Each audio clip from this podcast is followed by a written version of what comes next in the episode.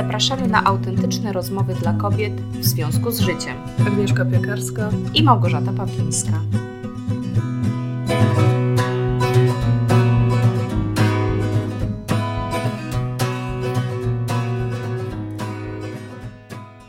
Cześć Gosia. Cześć Agnieszko. Witajcie słuchaczki. Hmm, witajcie słuchaczki. Dałam Ci dzisiaj pierwszeństwo. Dzięki, widziałam to w oczach i w tej pauzie poczułam. Taki uprzejmy nacisk. Niech się przywita. Pozytywne spojrzenie. Słuchaj, o czym dzisiaj rozmawiamy? E, dzisiaj mamy temat z, z komentarza, który się niedawno pojawił.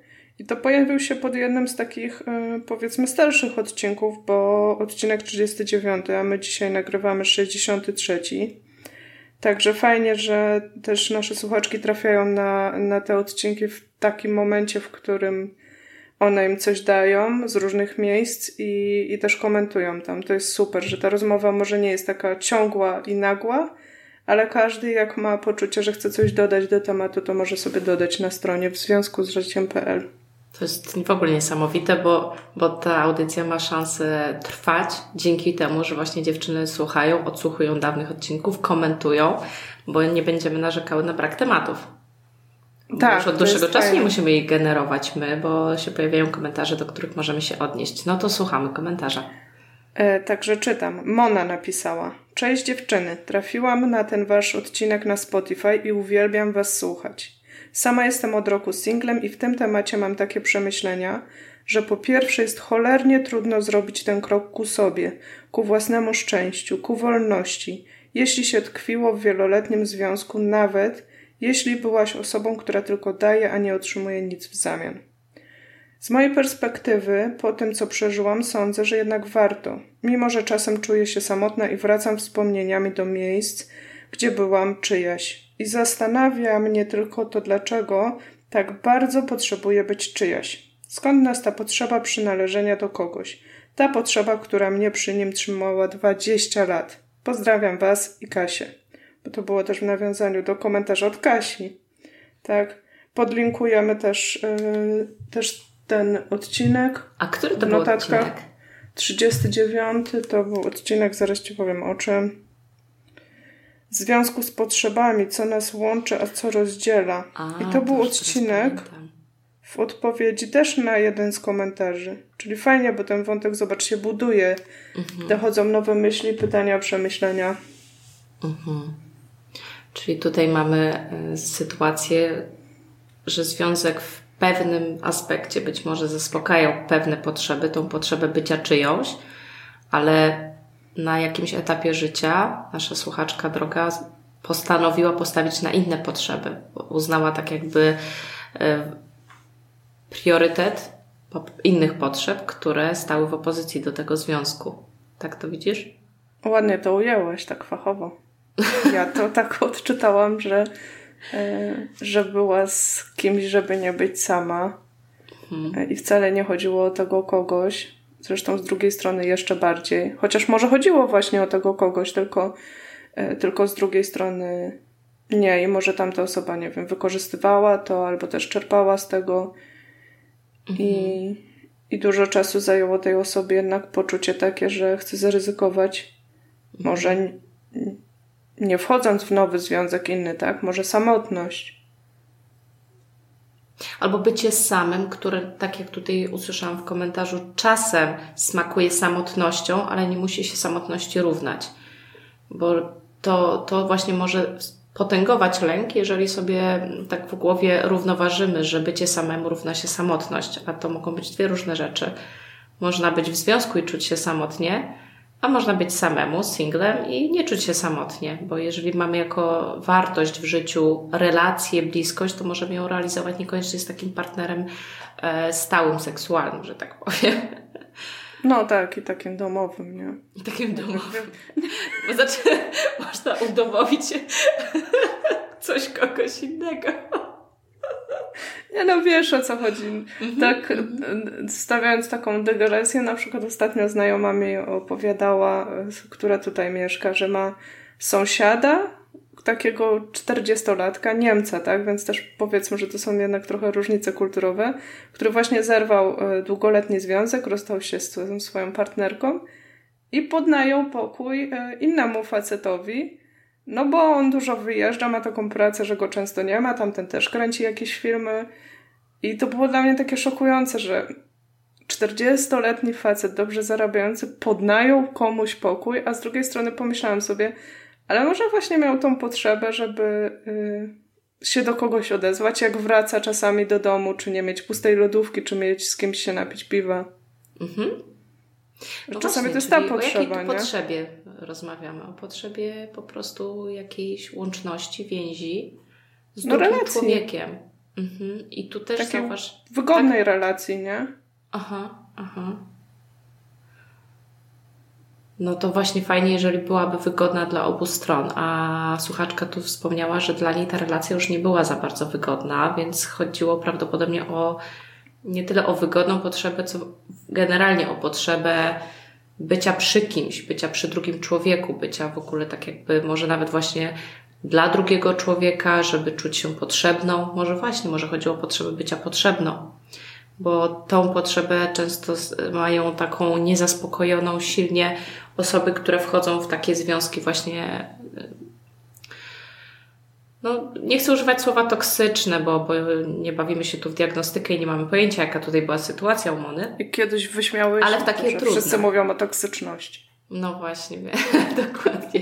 Ten żart nie, nie, nie, nie tak, zawsze, tak. nie załapał tak, nie zażarł takiego. Nie zażarł, zdecydowanie. Niemniej yy, myślę, że, że słuchaczki wiedzą o co mi chodzi, że czasem jest tak, że lokujemy nie tam, gdzie trzeba, potrzebę zaspokajania jakichś potrzeb, bo kierujemy się tym, co nam troszeczkę narzuca świat, że jak potrzeba więzi, że jak potrzeba relacji, to najlepiej partner, najlepiej w ogóle, żeby jeszcze związek małżeński, jeżeli jest to kraj taki, wiesz, jak nasz. I to tak troszeczkę nam zawęża perspektywę, zakłada klapki na oczy, że to jest jedyne rozwiązanie.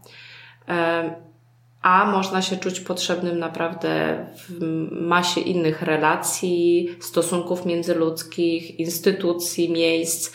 E, I może gdyby tam ta potrzeba, jeżeli tylko mówię przykładowo, jeżeli to jest tego typu potrzeba, byłaby zaspokojona, to może pojawiłoby się właśnie od samego początku trochę więcej odwagi do stawiania granic, gdyby właśnie relacja ta stricte partnerska bardzo mocno tutaj nas e, wysysała. Chociaż wiesz co, zgodzę się z tym, co, co powiedziałaś, e, ale jeszcze tak sobie myślę, że jak myślałam o wygodnej relacji, to też sobie tak pomyślałam z perspektywy może osoby wysoko wrażliwej, że ta domowa relacja jest taką relacją, którą wypracowaliśmy sobie przez jakiś dłuższy czas i możemy czerpać y, taką dywidendę potem z niej, tak, że niezależnie kiedy, w jakim humorze przychodzimy do domu, to możemy sobie poczerpać z tej relacji i mam wrażenie, nie wiem, może mylnie, że jednak taka relacja domowo-rodzinna jest y, w gruncie rzeczy jedyną taką relacją, w której możemy y, tego tak w pełni bezwarunkowo oczekiwać. Mhm. Bardzo ciekawy wątek poruszyłaś, bo mi się teraz odpala z książki dotyczącej terapii akceptacji zaangażowania taki fragment sesji dotyczący wartości. On był mhm. podany jako przykład, jak można na podstawie pracy z wartościami pomóc komuś wyjść z takiego poczucia beznadziei. Y, I tam był przykład związany właśnie z tym, że ktoś uważał, że to były dwie sytuacje, tam były dwie sesje opisane. Jedna to była kobieta, która tak jakby uświadomiła sobie, że już właściwie nigdy nie będzie mogła mieć dzieci. E, mhm. Nie miała w ogóle dzieci i tak jakby dotarło do niej, że już nie będzie ich nigdy miała, a uważała, że to jest jedyny sposób na pewną relację, na pewne właśnie mhm. zaspokojenie pewnych wartości. A druga sytuacja to był mężczyzna, który jakiś sport uprawiał i w wyniku upadku już nigdy nie mógł go uprawiać. Mhm. I też przez to przeżył ciężkie załamanie i głęboką depresję, bo uznał, że to jest jedyny sposób, żeby właściwie mieć to szczęście, które dawało mu uprawianie tego mhm. konkretnie sportu. Nie chcę tego teraz w pełni przytaczać, bo to były, no wiadomo, sesje, więc one trochę mhm. trwały, e, ale w każdej z nich, tak jakby w konsekwencji poprowadzenia rozmowy naokoło wartości, jakie były realizowane, byłyby realizowane, przepraszam, gdyby te rzeczy, znaczy były w przypadku tego pana, a byłyby u tej pani, gdyby miała dzieci, tak jakby budowano taki dystans do tego pierwotnego, takiego jednego możliwego rozwiązania, do którego te osoby były przyklejone. Budowano dystans, oglądano to z innej perspektywy, by zobaczyć, że każde z tych rozwiązań miało dla nas mieć jakąś funkcję, miało sprawić, żebyśmy każdego dnia, tak jakby poprzez właściwie każde zachowanie, mogli realizować właśnie pewną wartość. Ta pani pewną mhm. wartość i ten facet pewną wartość. I oni uczyli się tak jakby docierać do tego, czym jest dla nich ta wartość, jaką wartością ta pani się chciała kierować, myśląc, że mając dziecko to, mhm. to jej da szczęście, bo tu przyjmujemy w tej terapii założenie, że żyjąc codziennie w zgodzie z wartościami, realizując wartości, znajdujemy poczucie sensu i spełnienia w życiu. No, brzmi dobrze. Bardzo dobrze. Ja mhm. uwielbiam pracować narzędziami tej terapii, bo naprawdę my często żyjemy w oderwaniu od wartości albo realizujemy wartości takie ze świata zewnętrznego, które niekoniecznie są nasze i to jest prosta droga do frustracji, takiego właśnie poczucia pustki, takiego, że życie, nasze właściwe życie to chyba płynie gdzieś obok, bo my nie czujemy, że to, to które żyjemy mhm. jest nasze. No i oni ostatecznie właśnie zrozumieli, że wartość jest takim konceptem, który nigdy nie ma jednego, jedynego rozwiązania do tego, żeby się wyrazić. I że jeżeli już do, docierasz do tego, co jest Twoją wartością, czym chcesz każdego dnia się kierować, co chcesz w pewnym sensie w świat tak jakby wprowadzać poprzez swoje zachowania, to nie ma możliwości, żeby nie znaleźć innych zachowań, które Tobie też dadzą poczucie, że jesteś na przykład kochającą osobą, że jesteś osobą opiekuńczą, że jesteś osobą, która pomaga jakiemuś życiu się rozwijać, e, kształtować, e, nie wiem, uczyć świata. E, I każdy z nich znalazło dużo rozwiązań, nawet zaczęło je wprowadzać w życie i powiedziało z absolutną pewnością po jakimś czasie, że tak, że czują, że są na właściwej ścieżce w życiu, nie mają w sobie żalu, który niszczy, prowadzi do depresji, mhm. czują się zainspirowani i przepełnieni sensem. Więc to jest, wiem, że długa dygresja, ale ja zawsze bardzo zachęcam do tego, żeby e, nie chodzi o to, że ja chcę kwestionować, że, że to nie jest być może naj, najłatwiejsze, naj, takie najpewniejsze mhm. rozwiązanie do zaspokojenia jakiejś wartości, ale czasem życie tak się układa, że nie jesteśmy w stanie po prostu pewnych rzeczy mieć e, i albo się załamiemy i będziemy, nie wiem, narzekać na los, e, wejdziemy w rolę ofiary, że czemu nam się nie udało znaleźć partnera w odpowiednim czasie, kiedy mogliśmy mieć dzieci, czemu to, czemu tamto, albo możemy aktywnie zadać sobie takie po prostu troszeczkę przekorne pytanie, czy to na pewno jest jedyne rozwiązanie. Czy nie umiem sobie wyobrazić człowieka, który też pragnie, tak jak ja, tak, a nie inaczej żyć, takimi wartościami się kierować, a nie ma tego, co ja myślę, że trzeba do tego mieć jest szczęśliwy. Jeśli potrafimy sobie jakoś takiego wyobrazić, to się możemy zastanowić, co mu prawdopodobnie daje to spełnienie, skoro nie to coś. I tak wracając do tego pytania Mony, czemu właściwie tkwimy w czymś takim? Ja tak usłyszałam trochę pytanie, mhm. jak to jest, że tyle lat potrafimy w czymś takim tkwić? To myślę, że no, to jest moje subiektywne, ale też w oparciu o to, że no, często jednak do tego się dogrzebuję w pracy z kobietami, że nawet bardzo niewygodna sytuacja, albo powiem jeszcze inaczej, a czemu się trzymamy złych nawyków? a czemu się mhm. trzymamy niezdrowych przekonań?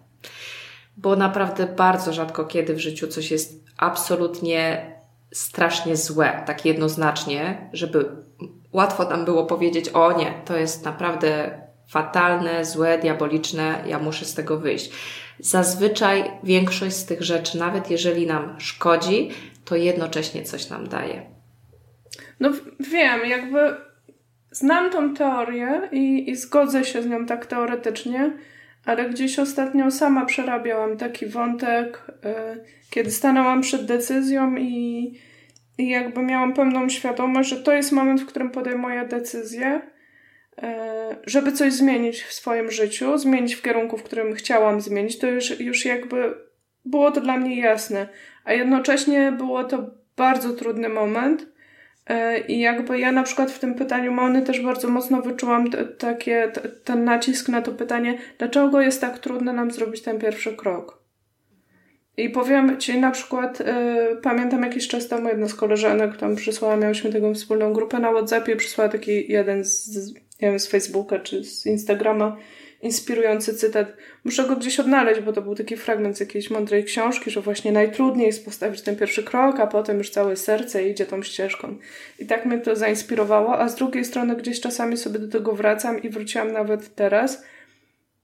I się nie zgodzę z tym, wiesz, bo nawet sobie to zapisałam, bo generalnie jak już postawisz ten pierwszy krok, to pojawia się cała seria kolejnych trudności, bo równie trudno jest wytrwać, równie trudno, to tak jak z nawykami. Nie trudno jest, nie wiem, zapisać się na siłownię i zrobić ten pierwszy krok. Najtrudniej jest wytrwać w momentach, w których jakby ten opór przybiera już tak dużą siłę, że nas testuje pewnie, tak?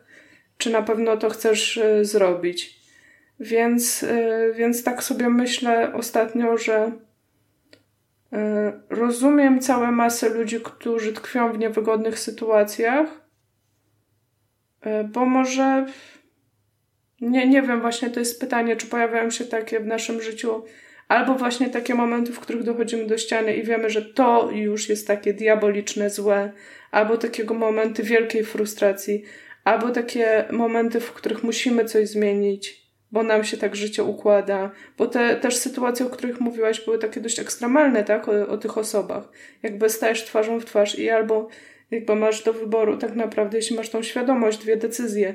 Albo na zawsze będę zgorzkniałą osobą i będę po prostu wszystkich obwiniała i, i zatruwała sobie życie i żyła w takiej truciźnie, albo jakby coś zmienię, no nie? Ale też nie zawsze się takie, y, bym powiedziała, ekstremalne sytuacje w naszym życiu zdarzają. To jest też to, o czym często się pisze, że kryzysy i i takie najcięższe przypadki są naszym wielkim błogosławieństwem, bo są największą lekcją i pomagają nam wyrosnąć, tak? Mam Często wręcz po prostu mówi... zmuszają do jakiejś decyzji, nie? Która później się okazuje, tak. że była najlepsza, a musieliśmy ją podjąć. Bardzo mocno to czuję, bo ja e, nawet jak opisywałam swoją historię na blogu, to też właśnie cały podrozdział napisałam, że no, uważam, że nie trzeba upaść na dno, żeby móc się odbić E, a jest gdzieś w nas być może właśnie taka pokusa, że, że jeszcze nie jest tak źle. Jeszcze świat bardzo często nam to dodatkowo argumentuje, że nie jest tak źle, nie wymyślaj mm, i, i wy, wytrzymasz, e, robisz z siebie właśnie ofiarę, a tak naprawdę też masz za uszami. No bo masz dobrze, w dupie ci się poprzewracało. Dokładnie i i to rzeczywiście sprawia, że wątpimy po prostu w to, co czujemy, co myślimy, bo nie jest to takie klarowne, nie jest to takie rzeczywiście, że możemy czarno na białym wypisać właśnie, jaką to krzywdę ktoś robi. Zresztą kurczę, no przecież nieraz można wypisać czarno na białym, bo żyje się w związkach takich naprawdę przemocowych, gdzie jesteś w stanie naprawdę wyliczyć, ile razy mąż ciebie uderzył, albo na dzieci podniósł rękę, albo wrócił pijany i po prostu rodził ogromne ryzyko i brak bezpieczeństwa, a i tak te osoby tkwią w takich związkach, więc to pokazuje, jak mocno jest to uwikłane, e, jak mocno po prostu gdzieś to nas zapętla, ale chyba też zupełnie właśnie zniekształca nasze widzenie tego, jaka jest nasza rola w takim związku. E, bo gdzieś się wtedy też często pojawia nagle taka pokusa, żeby być może wybawcą, że to ja tą, tego kogoś zmienię, bo ten ktoś mnie wybrał. E, działają zniekształcenia poznawcze, które pięknie wyszły w takich badaniach, czemu związki, które są sformalizowane, trwają dłużej niż niesformalizowane. E, I okazało się, że ludzie, którzy tak jakby deklarują się oficjalnie przed światem, bo to się robi jednak składając jakąś przysięgę, prawda, czy to w mhm. kościele, czy w urzędzie cywilnym, przy świadkach, zaczynają w głowie mieć procesy, związane z takim racjonalizowaniem swojego wyboru, że skoro ja coś takiego zrobiłam przy tylu ludziach, to ja teraz nie mogę wyjść na osobę, wiesz, niekonsekwentną, niesłowną, niedojrzałą. Więc te pary w obliczach konfliktów i trudności znacznie częściej sobie w głowie tłumaczyły, bo w tym badaniu osoby prowadziły dziennik właśnie, jakie mhm. mają myśli w różnych momentach. Znacznie częściej sobie tak jakby tłumaczyły, że a on nie jest taki zły, przecież kogoś złego nie wybrałabym na męża, tak? A on nie mhm. jest taki, bo przecież z kimś takim bym się nie związała. A więc zaczynają w ogóle swoją wartość upatrywać w tej relacji, tak jakby to o nas świadczyło to, jaki jest drugi człowiek. Gdzie Ale... tak po prawdzie to niekoniecznie, w ogóle nie mhm. powinno tak być. A my nagle się z tym zlewamy, że co ludzie powiedzą o mnie, jeżeli zobaczą, jaki jest mój partner, i to często też sprawia, że zaczynają osoby w, w, w niezdrowych związkach w ogóle kryć swoich partnerów. I, I mają właśnie, to jest bardzo częste, że osoby e, maltretowane w ogóle się nie przyznają do tego, bronią, że nie, upadłam i tak dalej.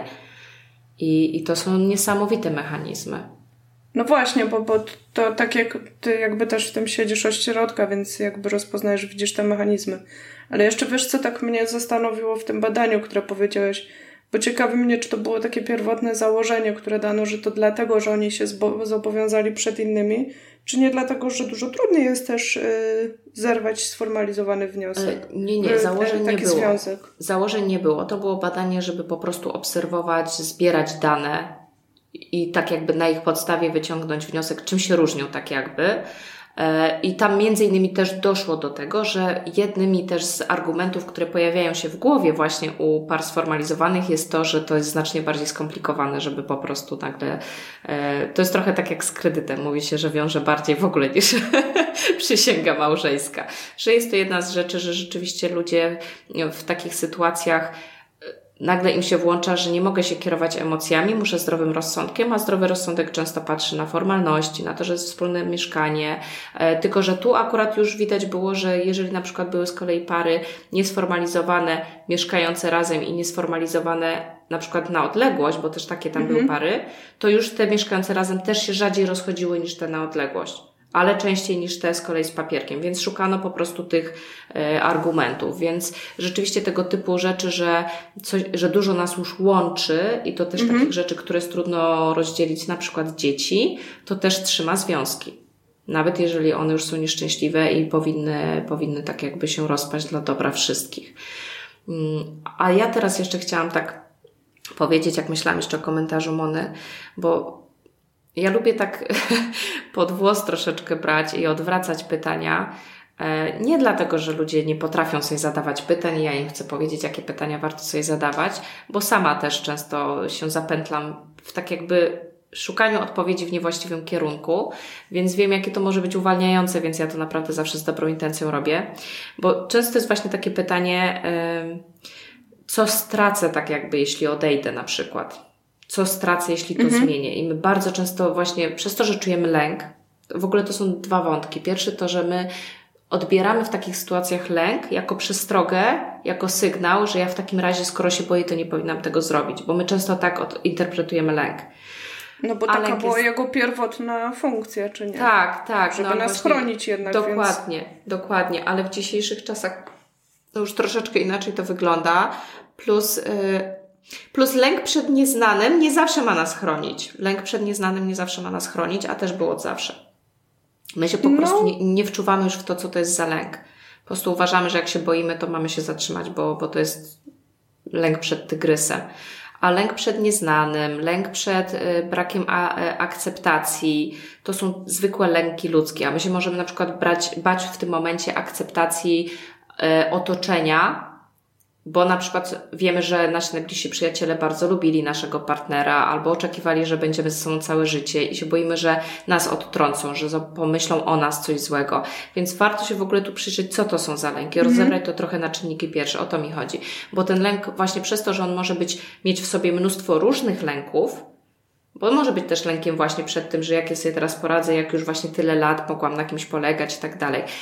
Przez to, że jest ich dużo, to on może być naprawdę silny i on nas może totalnie paraliżować. Więc to jest pierwsza rzecz, że lęk nie musi tu oznaczać jednoznacznie, że to, o czym ja myślę, to jest w ogóle poroniony mhm. pomysł i nie należy go brać pod uwagę, więc praca z lękiem to jest jedna rzecz. A druga rzecz to jest właśnie to, że my bardzo często mamy takie myślenie tutaj, już podejmując decyzje racjonalnie, bo oczywiście też przyjmujemy często założenie, że nie słuchamy, nie powinniśmy słuchać emocji, powinniśmy słuchać mhm. myśli, e, że zastanawiamy się, co ja stracę, tylko na tym się skupiamy. A więc zauważ, do czego to prowadzi, do przypominania sobie na przykład z tej relacji tylko rzeczy dobrych, co nagle skrzywia nam widzenie, bo w danym momencie nasza uwaga kieruje się na rzeczy dobre, bo jak coś tracimy, to raczej dobrego mhm. i nie widzimy proporcjonalnie rzeczy złych. No widzisz, ale to ten mechanizm mhm. też pewnie działa w tym, o czym ona napisała, że czasami bywają momenty sentymentów, kiedy wraca do tego, co było dobre, tak? Więc może nie wiem, odtrutką na sentymenty jest, takie rozpamiętywanie też tego, co było złe, żeby sobie y, jakby przeciwważyć to w momentach, tak. w których, nie wiem, te sentymenty na przykład nas gdzieś tam ciągną, a może zadzwonię, a może coś zrobię. Ja, bardzo to, to fajnie i tak w punkt po prostu powiedziałaś, że rzeczywiście y, znaczy wiesz, sentymenty, o tym kiedyś rozmawiałyśmy, prawda? Same w sobie też mogą nam dużo powiedzieć. Pamiętasz, jak rozmawiałyśmy o tęsknotach?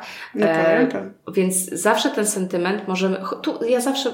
Zawsze, kurczę, no nie lubię generalizować, ale naprawdę bardzo często tutaj y, mam taką potrzebę powiedzenia, po prostu się uczmy ze sobą rozmawiać. To jest wszystko kwestią tego, jak ze sobą pogadamy, bo przecież zawsze możemy w tym momencie sobie powiedzieć, okej, okay, tęsknię za tym, ale może to niekoniecznie znaczy, że ja tęsknię za tym u tego mężczyzny, tylko jest dla mnie jawna informacja, że ja generalnie tego w życiu pragnę i że fajnie z tego skorzystać, jako, żeby z tego mieć taki motywator, żeby tego zacząć aktywnie szukać, może w innej relacji. Wiadomo, nie chodzi o to, żeby z relacji w relację ślepo dla zaspokojenia potrzeby, ale zawsze można sobie powiedzieć, że E, no, że w ogóle fajnie w sumie nie myśleć jednoznacznie źle, że to przecież nie znaczy, że może nawet nas też to jakoś ratuje, że to nie, nie był jednoznacznie zły człowiek, że były też dobre momenty, ale oczywiście były złe i one przeważyły i dalej uważam, że podjęliśmy słuszną decyzję.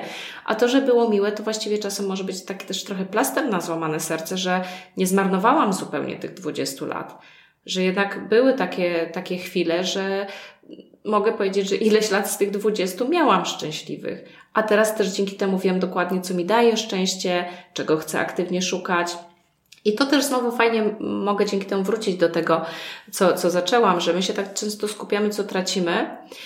A ja lubię w takich sytuacjach zapytać, a co możesz zyskać? Nie myśl już tyle o tym, co możesz stracić. Naprawdę aktywnie pomyśl o tym, co możesz zyskać, bo to jest taka inna siła kierująca naszą uwagę na to, od nowa, trochę niezależnie od tej sytuacji, czego my potrzebujemy. Co my możemy zyskać dzięki temu? Już patrzeć, co stracimy, ale co możemy zyskać? I często jak to sobie uświadomimy, unaocznimy, wypiszemy, nazwiemy, to wiele osób wtedy zaczyna czuć, od razu powiem, myślą, że stres, ale jak się też przyjrzą tej emocji, to nagle twierdzą, że czują ekscytację czują ekscytację na myśl o tym, że kurczę, no to nie ma chyba co czekać, bo tyle rzeczy jeszcze na mnie czeka. Tyle rzeczy jeszcze mogę zasmakować, spróbować. Tyle rzeczy mogę zyskać, jeśli nie będę dalej w tym tkwiła. A zauważ, że rzadko kiedy ludzie tak, tak, tak, tak kierują, prawda? Myślenie przy tego typu decyzjach. No wiesz, myślę, że gdyby tak kierowali, to nie byłoby tych rzesz ludzi, którzy jednak tkwią y, i nie byłoby wtedy tego, tego pytania czemu tak trudno zacząć, tak? No bo gdybyś mhm. jakby, wiesz, myślała właśnie o tym, co mogę zyskać, no to... To, to wręcz by zaczęłabyś myśleć, to kiedy mogę zacząć, nie? To kiedy mogę zacząć, no bo to jest zupełnie inny sposób myślenia, ale też jakby, jak mówiłaś o tym, żeby rozmawiać ze sobą, mi tu gdzieś huczy y, w głowie. No dzisiaj mam taki brzysielczy humor, więc jakby będę adwokatem diabła złych przekonań, lęków i w ogóle wszystkiego. Bo też są ludzkie, tak? I mhm, też jakby oczywiście. z drugiej strony myślę sobie, że że każdy gdzieś w różnych dniach i w, w różnym czasie w swoim życiu ma zasoby na to, żeby się zabrać, a jakby też możemy dać sobie przyzwolenie na to, że nie wiem, no, że robimy tyle, ile możemy na dany moment, no nie? Ale oczywiście, ja myślę Ale też, wiesz co, jeszcze to, tylko że, dokończę ona... myśl. Aha. Jasne. E, bo, bo gdzieś mi właśnie uciekło. Chciałam coś powiedzieć, ale już nie powiem. Powiedziałeś, że te zasoby na daną chwilę. Yy, nie, nie, wcześniej coś jeszcze mówiłam, ale zapomniałam zupełnie. To, to, to, się, to się wytnie, zaraz do tego wrócimy, że masz wisielczy humor i że też uważasz, że nie zawsze na dany moment jesteśmy w stanie. A ty o czym mówiłaś wcześniej? A, no i o tym, że co możemy zyskać zamiast tego, co możemy stracić. A, właśnie, wiem już.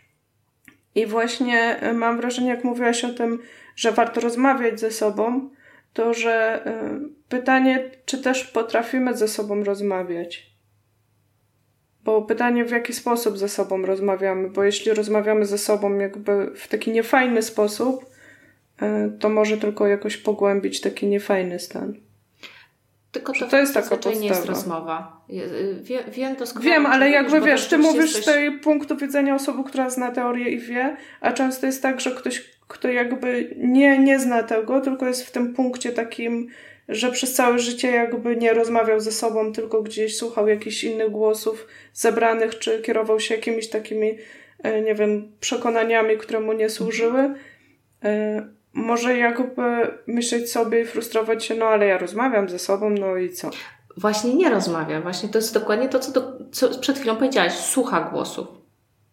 E, I, ja, I oczywiście to jest wszystko skrót, bo rozmawiania ze sobą należy się uczyć przez właśnie autoempatię, takie mm, umiejętność tego self-compassion, takiego samowspółczucia i tak dalej. Niemniej ja uważam, że po prostu to, co zazwyczaj mamy w głowie, czyli właśnie te myśli takiego wewnętrznego krytyka, myśli powinnościowe, to możemy odróżnić od rozmowy ze sobą właśnie przez to, że jak się wsłuchamy, co się dzieje w naszej głowie, to będziemy wiedzieli, czy to jest rozmowa, czy to jest ewentualnie takie zakrzykiwanie ewentualnie tych myśli, siłowe próbowanie, żeby ich nie słyszeć. E, można sobie takie proste ćwiczenie zrobić, wyobrazić sobie, jak naszym zdaniem wygląda taka najzwyklejsza, oparta na obustronnym szacunku, spokojna rozmowa i zastanowić się, czy mamy to w głowie. Bo jeżeli nie, no to znaczy, że nie rozmawiamy ze sobą. Ja po prostu zachęcam do rozmowy ze sobą. A już wiadomo, że można jeszcze to ćwiczyć, pogłębiać, można, można jeszcze tą rozmowę robić bardziej przyjacielską, nie wiem, wspierającą, ale zacznijmy od samego takiego, czy ta rozmowa jest przynajmniej kulturalna i oparta o wzajemny szacunek tych głosów wewnętrznych i mnie, tego ja kontekstualnego, że tak powiem, wracając do terapii mhm. akceptacji i zaangażowania, które teoretycznie powinno mieć prawo też właśnie wyrażać, co jest dla nas ważne, co jest naszą wartością, jakie mamy w życiu potrzeby i prawo ich realizacji. Widzisz, i znowu wracamy do szacunku gdzieś tam na koniec odcinka. Tak, tak, przewija nam się to? Przewija nam się, no. No to trzeba będzie może kiedyś o tym szacunku pogadać. No, ja też czuję, że tego, decyzji, tego typu decyzje, jakie podjęłam, one są oparte o szacunek względem siebie. Tak, w ogóle myślę sobie, jakby to też y, napisałam w tej odpowiedzi i, i myślę, że fajnie też zaznaczyć to, że, y, że przede wszystkim super, że ona się tym z nami podzieliła i też mhm. Y, wielki szacunek i gratulacje, że podjęła ten pierwszy krok, drugi krok, trzeci, wytrwała w tym i że jakby ma pełną świadomość tych sentymentów, które wracają, tego co straciła, tego co zyskała, pewnie też. Także super. Mhm. Cieszymy się. Bardzo się cieszymy, Mona, i trzymamy kciuki, żeby Twoje życie dalej toczyło się w zgodzie z Tobą, e, żebyś znalazła sposoby na zrealizowanie najważniejszych dla Ciebie wartości, czy to w związku, czy dalej w byciu samą. E, to nikt nie wie tak naprawdę, co jest dla Ciebie najlepsze poza Tobą samą, więc życzymy ogromu sił i motywacji, żeby aktywnie realizować to, co Ty czujesz, że serce o to woła. Jesteśmy z Tobą i naprawdę życzymy Ci wszystkiego najlepszego. Mamy nadzieję, że ta audycja nie stanie się jednak takim głosem zachęcającym do rozstań. tak żartobliwie dodam. Nie, myślę, że absolutnie nie. Każdy, każdy szuka swoich najlepszych rozwiązań. Dla jednych to będzie to, dla innych to będzie pozostanie w związku. Słuchajcie, e, drogie słuchaczki, dzielcie się, widzicie, e, matko, już mówię skrótami, bo widzę, że nam się czas kończy. Widzicie, że reagujemy na Wasze komentarze, że jest szansa nawet na nagranie odcinka i pogłębienie e, z naszej perspektywy jakichś zagadnień, więc jak coś Was nurtuje, nad czymś się dłuższy czas zastanawiacie i jesteście ciekawe, jak my byśmy to przedyskutowały, bo oczywiście nigdy nie ma żadnych gwarancji, że cokolwiek tutaj będzie jakąś odpowiedzią czy wskazówką, ale są to zawsze dwa dodatkowe punkty widzenia, a mówi się, że co trzy głowy to nie jedna, prawda? Także a gdzie przejść tam? tam nie ma co robić, nie wiadomo co robić. Także te trzy są dobre, bo wiesz, każdy poda kierunek człowiek wybierze. Dokładnie. Także zaglądajcie na w związku z życiem.pl, na YouTube, na y, Spotify, SoundCloud i wszędzie, gdzie jesteśmy, wszędzie, gdzie można komentować, dołączajcie się do rozmowy, bo nasza audycja ma być rozmową e, całej naszej społeczności, nie tylko nas dwóch. Dziękuję I jeszcze Agnieszko. na mhm. koniec dodam, bo też pojawiło się to w komentarzach, właściwie dwie takie rzeczy. Po pierwsze, jedna osoba y, pisała, że trudno się dokopać do miejsca, z którego można do nas napisać, więc podajemy tutaj adres. Na stronie jest formularz kontaktowy, przez który możecie pisać i część z Was pisze, ale też możecie zawsze napisać na w związku z życiem małpa.gmail.com. To jest adres, łatwy do zapamiętania.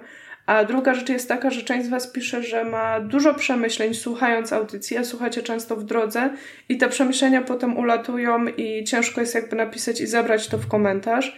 I taka y, sugestia, możecie zawsze nagrać po prostu te przemyślenia. Też zdarzały nam się takie maile z mhm. nagranymi wiadomościami. A z mojej strony też takie pytanie do Was, y, czy gdyby była na stronie możliwość dodawania informacji głosowej, czy czujecie, że to by Wam ułatwiło sprawę? Jeśli tak, napiszcie, y, bo też podajmy, y, pomoże to nam podjąć dalsze decyzje co do rozwoju strony. Mhm, super, bardzo ważne informacje. Także dzięki Agaza. A jeszcze pytanie, Gosia, sprzedajesz coś aktualnie? Zapomniałam. Też był e, ostatnio W momencie, jak myślę o terminie publikacji tego odcinka, to nie. Ale zachęcamy, ja na razie nic nie sprzedaję, ale Gosia e, sprzedaje od czasu do czasu, więc zachęcamy też na stronę pawlińska.com. Tam są wszystkie informacje. Naprawdę Gosia sprzedaje bardzo fajne rzeczy, sama kupowałam, wiem, korzystałam. I to y, oczywiście trochę się śmiejemy, ale to jest też odpowiedź na jeden z maili oburzonej wręcz słuchaczki, która napisała, że nie mogła spać, ponieważ nie może nam wybaczyć, dlaczego nie powiedziałyśmy w ostatnim odcinku o tym, że Gosia sprzedaje kurs online i gdyby przypadkiem nie weszła do folderu z newsletterami, których zazwyczaj nie czyta, bo nie ma czasu, to nic by nie wiedziała. Napisała trochę reklamy nie zaszkodzi i jako, że pracowałam przez lata w reklamie i zawsze o tym Gosi powtarzam, e, to... To Gosia w końcu może weźmie sobie to do serca. Tak, i też może Gosia opowie o tym, że robi audycje też na innych kanałach, gdzie coś sprzedaje. Ja robię audycje na innych kanałach, gdzie coś sprzedaję? Mówię, że może opowiesz o audycji, widzisz, bo ludzie A. też nie, też jak to pokazuje, jak często ludzie nas znają po prostu z jakiegoś takiego promila całej działalności. To może kiedyś po prostu nagramy odcinek po ponad dwóch latach audycji dla nowych osób o nas, kim jesteśmy, co robimy, gdzie jeszcze poza audycją można nas znaleźć. I co można od nas kupić. Ściskamy Was bardzo, bardzo serdecznie. Buziaki, pa. Pa, do usłyszenia.